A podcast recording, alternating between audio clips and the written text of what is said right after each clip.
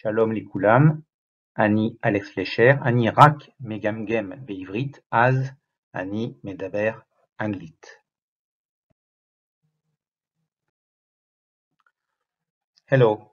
So here we'll deal with a few examples on how optimization and CPLEX in particular can help. We'll start with the London bikes, a tiny example, and then we'll see that machine learning is not enough. You need optimization, and that's easy. And we'll see that it can help everywhere. So this is a map of London. So if you want to visit Europe, I suggest Paris, but anyway, London is a nice city too. So in London, the weather can be very nice like this, but it's very rare. It can be like that, so quite rainy, or like this. And according to how the weather will be, people in London will use the free bikes in different manners and will, be, will do on top of machine learning and on top of prediction about where the bikes will be used. Optimization will rebalance the bikes so that Londoners have bikes all over the place, all over London, in order to be able to ride.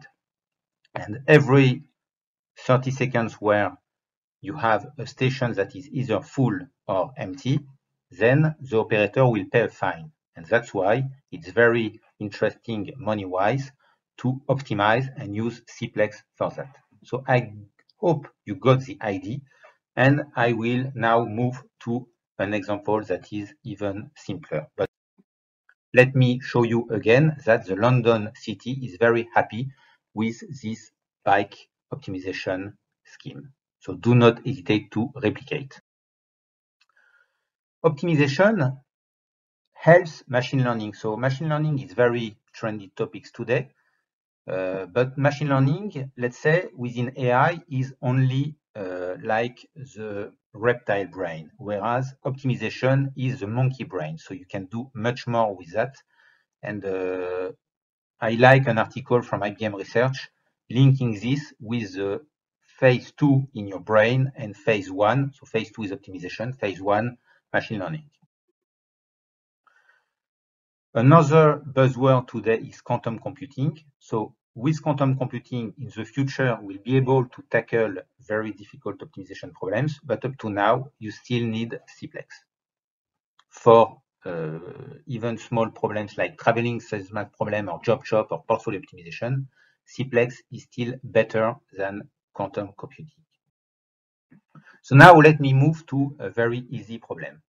You have 300 kids you want to move to the zoo, and for that, you have 46 buses that cost 15 euro per kid and 30 buses, 36 buses, 16 euro per kid. The goal is to minimize cost.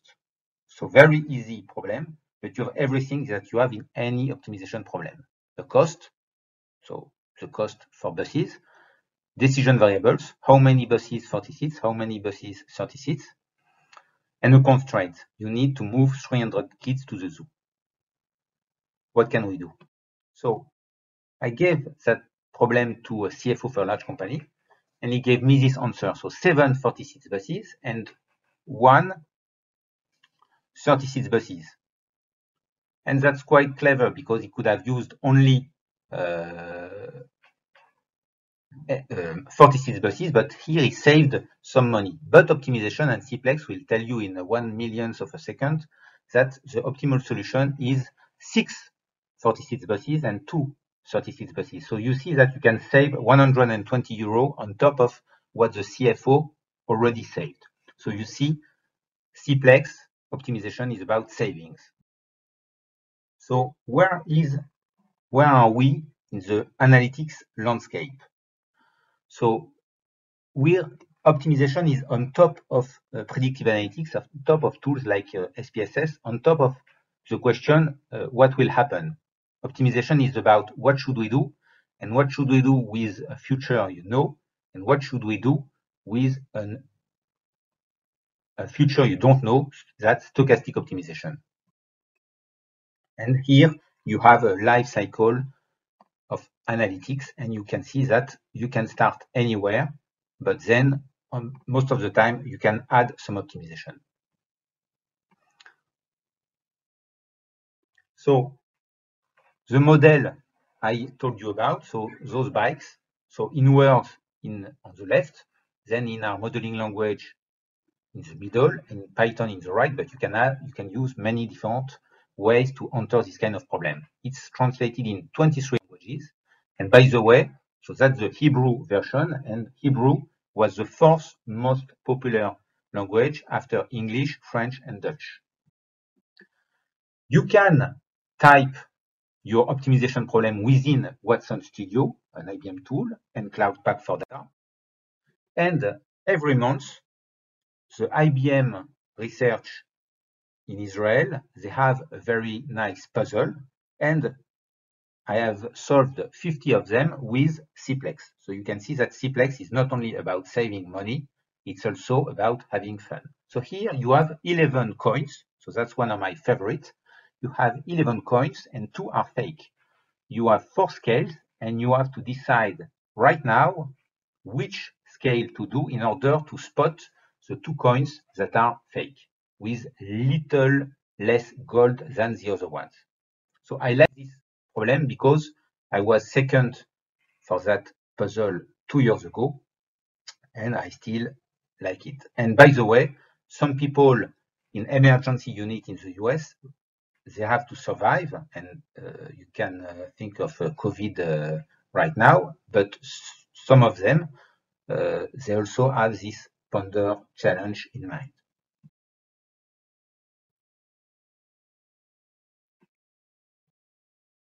Some savings at some large companies, savings that were checked by some guys who gave a little prize like the Nobel Prize for, for optimization. So the first one is 20 million euro every year at Netherlands Railways for planning trains. Red Eléctrica de España um, is the third one, so 50,000 euro every day. The second one is the Central Bank of Mexico Indeval. They saved 240 million dollars in 18 months. And the fourth one is AHG, a hotel chain. By better pricing all their rooms all over the world, they managed to save 226 million dollars. So optimization can be used on top of many tools, on top of Watson Studio, so the IBM tool for uh, data science. So you can use Cplex there.